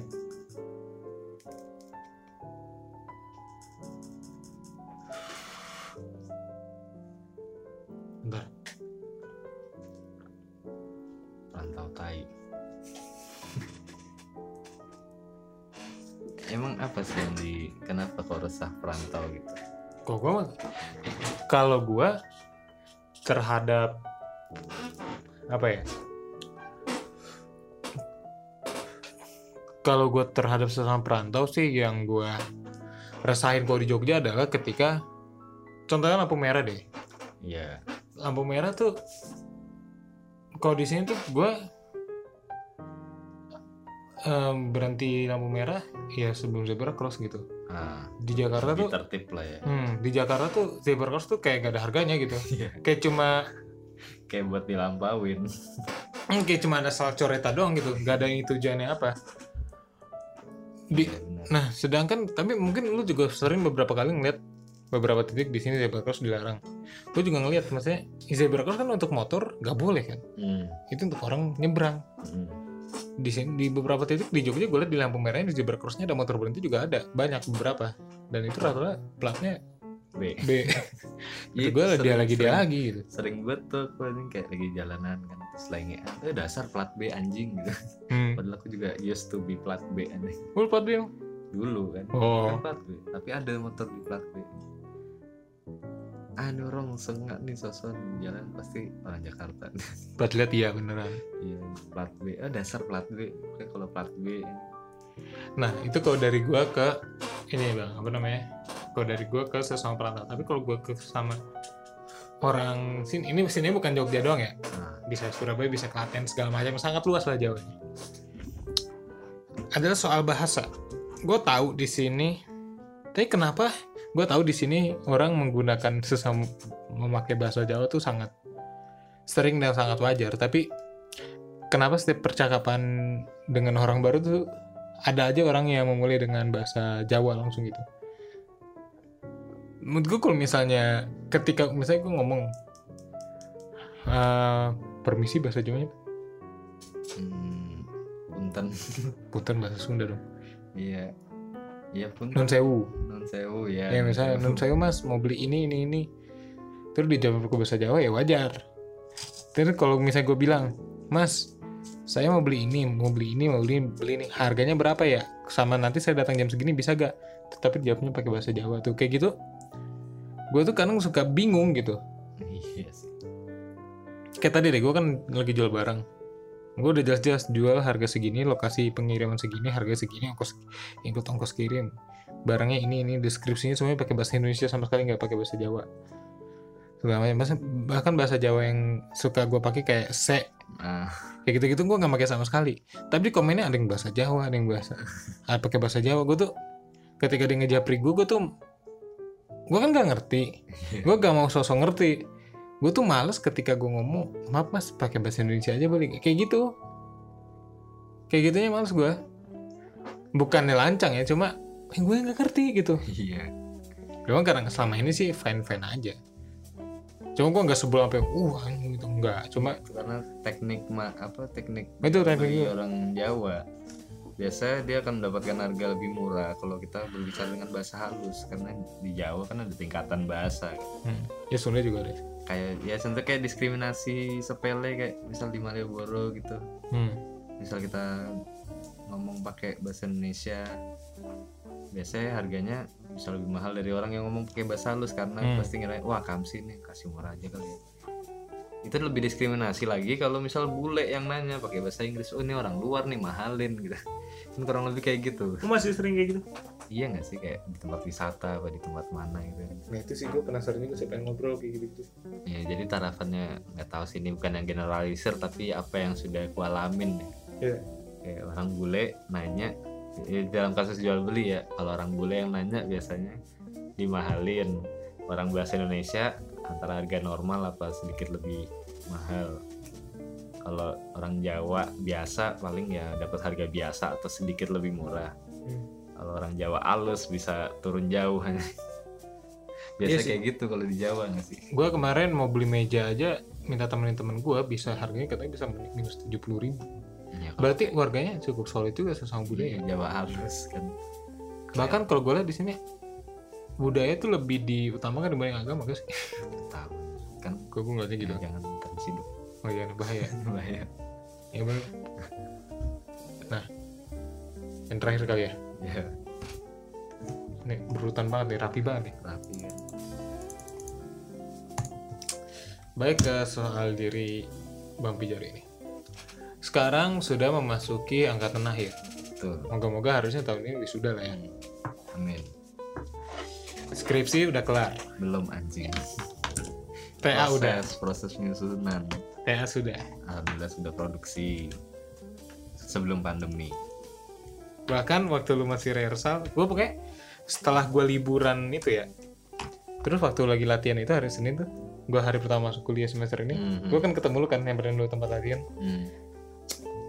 Itu kan di Depok yang positif yang per- pasien pertama udah ada kan nggak tahu deh kayaknya itu kan pertama tuh Maret ya? Hmm. Maret apa? Maret ya? Maret Maret. Awal kasus ya? Iya sih. Aku aja produksi 8 Maret. Berarti otomatis ya di Jogja belum ramai itu juga pemerintah masih nyepelein kan waktu itu. Hmm, si biasa. Yang kasus pertama masih tenang tenang chill. Nah udah.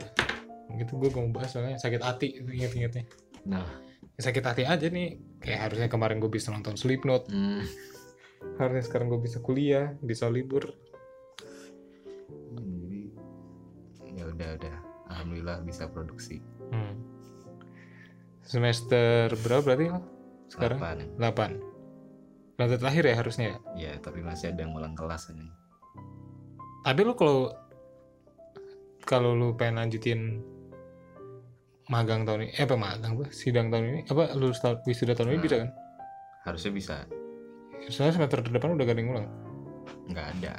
Berarti cuma cuma tinggal aku nyelesain skripsinya aja. Sama yang ulang-ulang semester ini ya? Mm-mm. nah lu sebagai semester tua ngelihat ibaratnya lu boomer lah ya sekarang. Ya boomer. Boomer di kampus lah ya. Lu ngelihat yang nggak boomer tuh alumni lu, lu? Boomer banget tuh atau dosen boomer. Hmm, aku masuknya apa ya ya, udah lah boomer lah lah generasi menolak, menolak tua lu. Boomer lah ini boomer lu tuh ngelihat angkatan-angkatan di bawah lu tuh gimana deh? Hmm, ya semua angkatan sih. Banyak yang aneh. Anehnya gimana Gak deh? tau kenapa kampus kecil ini bisa banyak drama nih. Nggak sih? Karena kalau menurut gue ya kenapa kampus kita anak-anaknya begitu? Karena egonya ketahan. Eh bukan ketahan tapi kebablasan. Kalau alasan gimana? Ya karena kampusnya kecil egonya gede kan gak ketahan. Oh iya, Iya nggak? jadi ibaratnya ah, ibaratnya apa? ya, Ember R-nya lebih R-nya ber- berapa liter? R-nya R-nya isinya 3 liter, kapasitasnya cuma dua setengah gitu. Iya.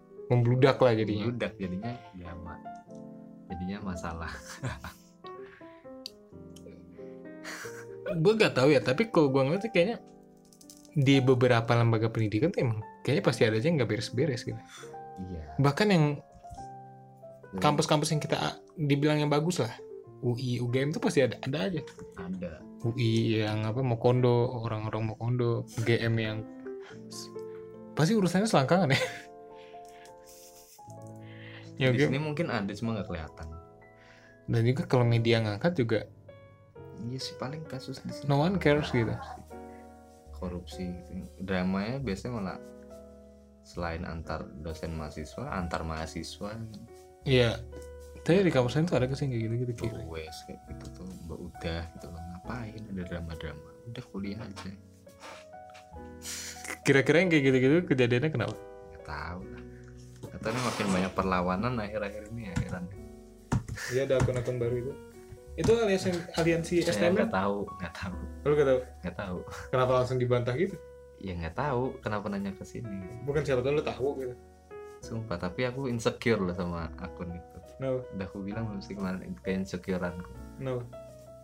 Jadi fontnya tuh mirip sama font yang sering ku pakai dalam pembuatan grafis apa video gitu.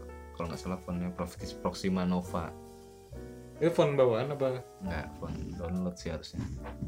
Oh, Kayak terus. font Proxima Nova itu aku sering pakai dalam video atau Hmm. apa. Ya Bang Erum. Apalagi itu temanya perlawanan gitu kan kayak Hmm. insecure gitu entah kalau orang mengarah ke aku gimana ya gitu. tapi bodo amat lah ini orang udah tua ngapain ngurusin gitu ya Iya sih. Cuma kalau kata gue kayaknya bukan dari angkatan tua deh. yang gue bingung tuh kayak mungkin kemunculan-kemunculan akun baru gitu. Ah, yang Mereka baru mengatasnamakan Apa? aduh ini menyerang dong padahal aku nggak tahu siapa orangnya sebenarnya so- soalnya lagi rame sih diomongin terus sampai ke kuping gue kan aliansi mahasiswa ya aliansi mahasiswa STMM tapi yang diwakilin tuh siapa gitu loh Nah itu. aliansi STMM itu siapa ya Nah, siapa itu. yang diwakilkan Gua siapa yang disuarakan Sebenarnya gue seneng ngeliat tuh anak-anak itu bersemangat seperti itu. Cuma gue ngeliat tweet-tweetnya atau Instagramnya caption-captionnya kayak kami segenap mahasiswa. Anjing ngerasa kok lu bisa ngerasa mewakili gue gitu? Hmm. maksudnya belum sebelumnya belum pernah ada kumpul-kumpul. Minimal di grup angkatan lah perangkatan ayo kita kumpul segini segini segala macam nanti masanya ada mereka rapat baru bikin itu ngomong kita ini. Oh, itu malah namanya sotoy. Ya kenapa enggak aliansi mahasiswa yang apa di SMM gitu kan. Hmm. jadi nggak mencakup semua gitu. Mm-mm. karena aku nggak merasa terwakilkan anda? Gitu. gue juga kenapa lu ngerasa relate banget gitu? Ya kan insecure-nya di situ gitu kan berbau perlawanan terus fontnya mirip sama yang biasa tak pakai. FYI it's not me. Ya gitulah insecure sepele tapi. Tapi menurut lu lebih berguna akun kayak gitu apa akun segar? Segar used to be fun. Nggak, dikat aja dikat yang tadi. Dikat? Yang tadi dikat.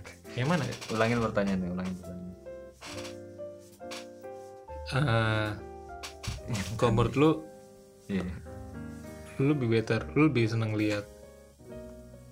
Lebih lebih terpakai akun seger apa aliansi STM iya ya secara fungsional beda. Iya. Cuma kalau di comparison dari sesama Iya sih. anon gitu kan. Iya. Sama animus yang bisa berbicara sesuka mereka tanpa tahu identitas asli ya. Ya taruhlah hmm, ya at least segar masanya banyak. Beberapa kali melakukan sumbangsi iya. walaupun terlepas dari beberapa kontroversinya. kontroversi dan dramanya Iya. ya beberapa kali ada sumbangsi lah untuk kampus. Ya ada plus minus. Cuma kalau aliansi itu apa ya? Eh maksudnya mending kita ngomongin begininya pas kita gak, belum tahu orangnya siapa. Jadi murni subjektif. Iya. emang ya objektif nggak nggak subjektif. Ya nggak subjektif murni, objektif. murni objektif. Nggak tahu lah. Nggak apa-apa nggak apa-apa. Namanya juga lagi pandemi pasti kan gabut kan ya. Terus apa su- gimana caranya supaya spotlight ini bisa mengarah ke gua?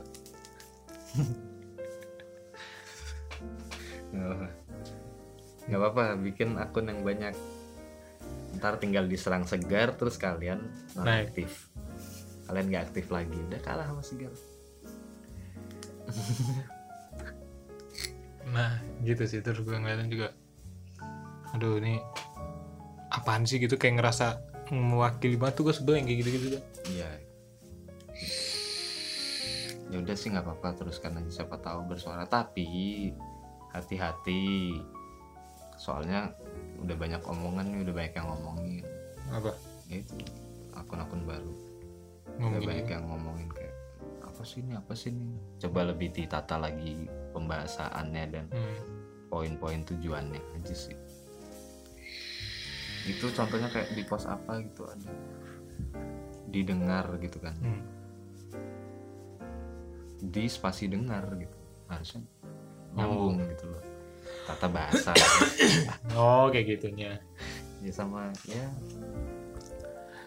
Ya udahlah karena nggak bisa demo live gitu kan oke demo lewat akun karena nggak bisa ngelawak live makanya ngelawak lewat sejarah. Hmm. ya sih bener. Kenapa? Nggak ya udahlah gitu sih paling apa namanya sebel gitu gue kalau jujur sebel sama sebel maksudnya dia tuh gak ngasih tahu. Kayak dia tuh ngajak ayo kita bergerak. Kita harus melakukan sebuah perubahan. Cuma dia nggak ngasih tahu apa yang harus dirubah gitu. Lewat apa caranya gimana. Kan dia kritik-kritik dan saran kayaknya. Nggak sih aku nggak mempelajari lebih dalam karena aku fokus skripsi. Hmm. jadi silakan berdrama-drama saya pengen lulus drama aja kalian angkatan bawah drama terus drama terus dikomporin segar terus ayo nggak apa-apa drama. Dan segar sebagai pengompor good luck eh dan good job well done. Berhasil kayaknya tuh sering berhasil kan kompornya segar. Sering. Dan silakan berdrama saya mencoba untuk lulus di sini. Saya mencoba untuk Ah, ya dan gue bukan orang seger ya salut. Pada tuh iya misalnya tahu tahu. Silakan drama drama gitulah yang penting aku mau lulus Iya tapi kadang ya kampus juga baru sadar gitu setelah, setelah jadi semester tua sadar betapa ribetnya ngurus Hmm. ini itu dari admin dari dosen-dosen alah Nah gue juga gak tahu sih. Kemarin ada salah satu tweetnya dia yang gue cukup setuju sih. Pokoknya gue gak tahu dia dia tuh ngomongnya dengan cara agak sa- sarkastik atau satir gitu kayaknya. Pokoknya intinya ngapain kita untuk kan angkatan gue ini mau magang. Hmm, Untuk magang dibutuhkan transkrip nilai kan. hmm, Kenapa kita harus ngejap sedangkan aturannya kita harus nge- ngejapri adminnya satu-satu. Iya. Kenapa nggak pakai Google Drive semuanya ditaruh semuanya tinggal download kan gitu. Nah, kenapa yang kayak gitu-gitu gak kepikiran ya? Iya emang kadang aneh gitu loh baru ngerasain kebrengsekan admin-admin petinggi-petinggi lembaga itu tuh kayak waktu semester-semester ini gitu kayak dipersulit aja kayaknya kayak sulit gitu Contohnya apa deh? Dulu awal-awal perihal ini. Kan aku mau ngajuin sidang proposal Feb- Februari. Hmm. mau ngajuin Februari biar bisa pas Februari biar bisa sidang Februari. Hmm. akhirnya aku sidangnya Maret tuh. Itu gara-gara padahal udah ada di jadwal ya. Udah di jadwal tanggal segini ada sidang nih gitu. ada ujian proposal. Gitu eh di tanggal itu kalian pada jalan-jalan ke Jakarta dosennya nggak ada yang bisa sidang pada mau siap-siap ke Jakarta.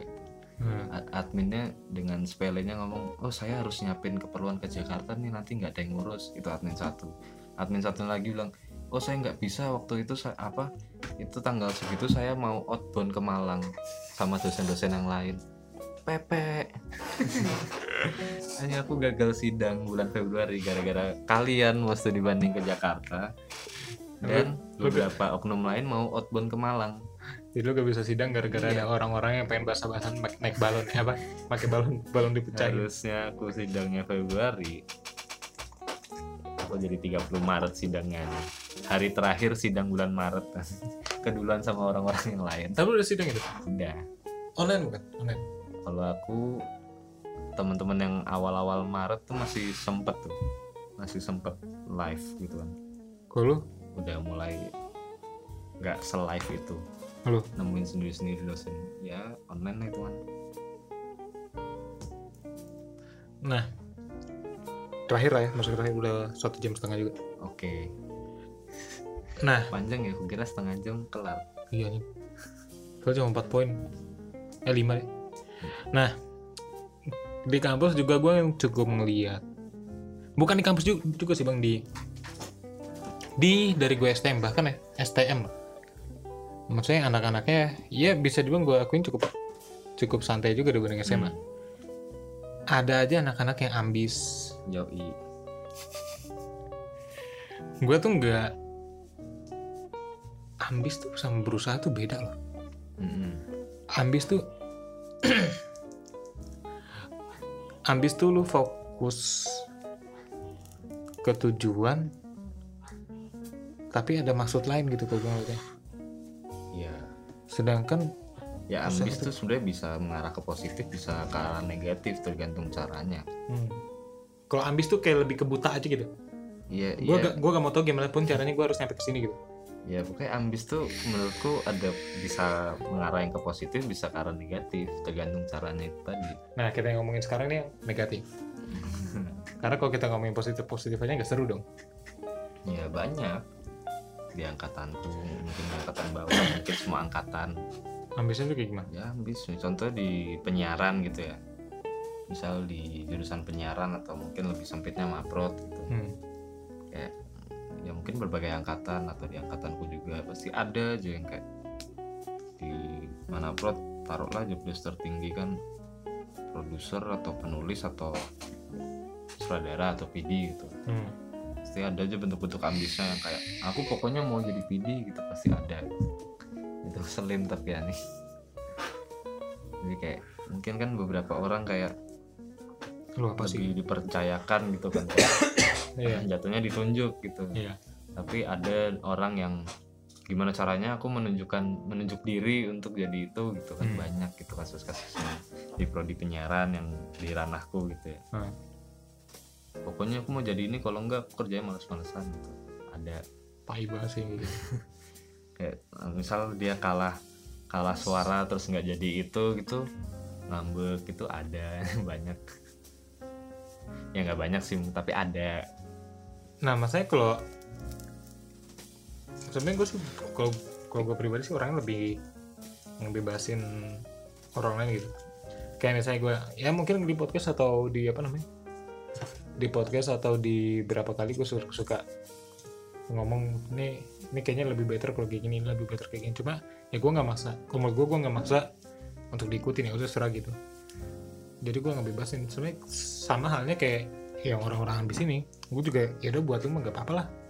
Ya tapi kan kalau mengganggu yang keselnya- ketertiban umum kan? Iya, kesannya ketika udah nyenggol-nyenggol gue nih, udah males gitu. banyak orang-orang kayak gitu itu tapi annoying FYI aja itu annoying. Kalau ambisnya udah negatif itu annoying boy. Kira-kira yang habis-habis gitu tuh untuk apa sih? nggak tahu dia pengen menunjukkan bahwa dirinya bisa padahal menurut orang lain belum tentu. Ada- pengen yang terbaik buat dia. Hmm. pengen menuhin CV mungkin. Oh aku pernah Menjadi ini. menjadi ini menjadi ini banyak orang-orang kayak gitu aku pernah bermasalah dengan orang kayak gituan Ya, Ribet pasti. annoying Ribet pasti. ya tobatlah orang-orang ambis yang negatif nggak punya temen ntar Emang begitu sih, teman-teman gue yang habis juga nggak punya teman. betul Temennya dikit. Waktu SMA tuh ada temen gue. Nanti gue dari eh dari waktu STM tuh gue orangnya emang lebih nyantai. Hmm. Maksudnya gue tahu gue pengen lanjut kuliah ke mana. Gue tahu gue sukanya ini, gue nggak suka ini. Jadi nilai gue jelek. Di, misalnya gue suka matematika nilai gue mat- nilai matematika gue jelek ya udah gue bodo amat gitu karena emang kalau gue paksain gue nyiksa diri namanya ada nih satu anak yang dia tuh eh apa eh, dia udah kelihatan dia suka di satu bidang dan bisa di satu bidang tapi kayak nyiksa dirinya Pak. ngejar nilai segala macem. Terus apa namanya perbaikan nilai ngejar gurunya sampai ke rumahnya segala macem. Belajar ini itu sehingga yang dia proven di situ kurang maksimal kalau menurut gue gue tuh jadi ngelihatnya kayak anjing lu tau gak sih nilai lu berubah? Itu tuh kalau ngejar nilai untuk perbaikan nilai tuh karena gue waktu ke STM tuh nggak perbaikan nilai. Anjing lu tuh perbaikan nilai gitu ya? Lu tuh tuh nggak nilai isi otak lu cuma nilai kertas apa angka di kertas lu doang gitu loh. Hmm. ya udah gitu sih cuma cuma gang gue ngeliatnya kayak ganggu aja gitu. Emang ganggu orang-orang ambis ambis negatif ya. Kalau positif mah nggak apa-apa ambis positif tuh kayak gimana contohnya? Yang yang nggak merugikan orang lain. Maksudnya? Ya kan ada orang ambis pengen sesuatu ini dengan menghalalkan segala segala cara gitu. Nah. itu kan negatif. Eh, yang positif ya yang nggak menghalalkan segala cara lihat kondisi juga. lihat kondisi dan nggak merugikan orang lain yang penting. Iya nggak? Iya gitu. Ya misalnya ambis pengen misalnya ambis pengen jadi aktor tapi gak bisa misal. Mm. ya udah dia dijadiin jurusan tapi gue tetap pengen jadi aktor ya udah tapi tetap misalnya pas pengaktoran sudah apa penyutradaraan dia datang nonton ya mungkin gitu simpel kayak gitu contohnya ya ya mungkin nggak tahu sih ya kenapa harus disangkutin ke teater lagi bukan ini ka- karena yang paling dekat sama gua malu itu Udah gitu ya.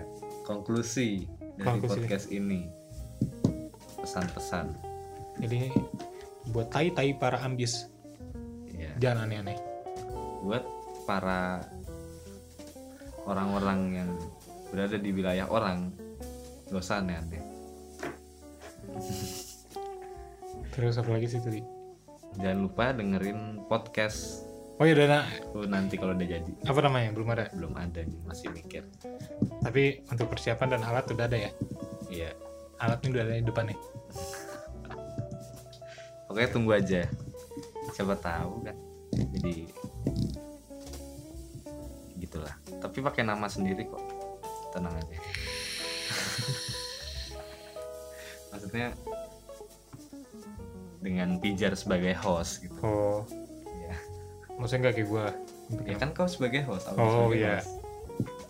maksudnya bukan mengatasnamakan Pinkman atau siapa gitu. Pinkman sih. Ya nggak tahu kan. Oh. Maksudnya nggak anon gitu tapi Oh. nama sendiri. Oh iya oke oke. Dan nggak mewakilkan siapa pun. Dan nggak ngerasa relate sama siapa aja. Iya. Tunggu aja. Pokoknya kalian baik-baik doakan saya segera lulus segera wisuda karena udah banyak nih sampai hari ini terhitung udah beberapa temen yang sarjana. Bikin panik. Bikin insecure aja. Bikin malu. Hah? bikin takut iya takut aja gitu kayak insecure aja panik aja. Anjing nih orang udah wisuda. Eh udah udah lulus maksudnya wisuda belum. Doakan saja. Semoga Oke. pandemi lekas pulih lekas kelar. Amin amin. Dah. terus? Nanti siapa tahu mudah-mudahan saya diundang lagi. Nggak tahu nih Ntar kalau diundang- lagi apa enggak itu kan udah collab. Oh iya. Tai Udah. at Pijardika follow di Twitter IG terbuka semua nggak di lock karena nggak bakal hilang. Ngapain orang-orang ngegembok ke akun kayak bakal hilang aja. Free to follow at Pijardika lo pakai prinsip yang ini gak apa? Apa? Unfollow. Gampang amat. Gampang aja unfollow balik Oh, unfollow unfollow balik. Kayak gitu ya gitu nggak sih? juga sih tergantung aku butuh ini dari dia apa enggak oh lo, nyantai gitu ya? Iya. Terus sudah ada lagi? Hmm? ada lagi? Udah. Ada saran untuk kalian CSTMM teruskan aja perjuangan nggak apa-apa. Aku sih mau nerusin skripsi. Ya udah. Dan FYI itu bukan aku ya. Iya. Oke deh. Atau akun-akun aneh lain aku nggak pernah bikin akun-akun aneh. FYI aja oke udah kali ya udah dadah Oke. assalamualaikum oke have a nice day good night good day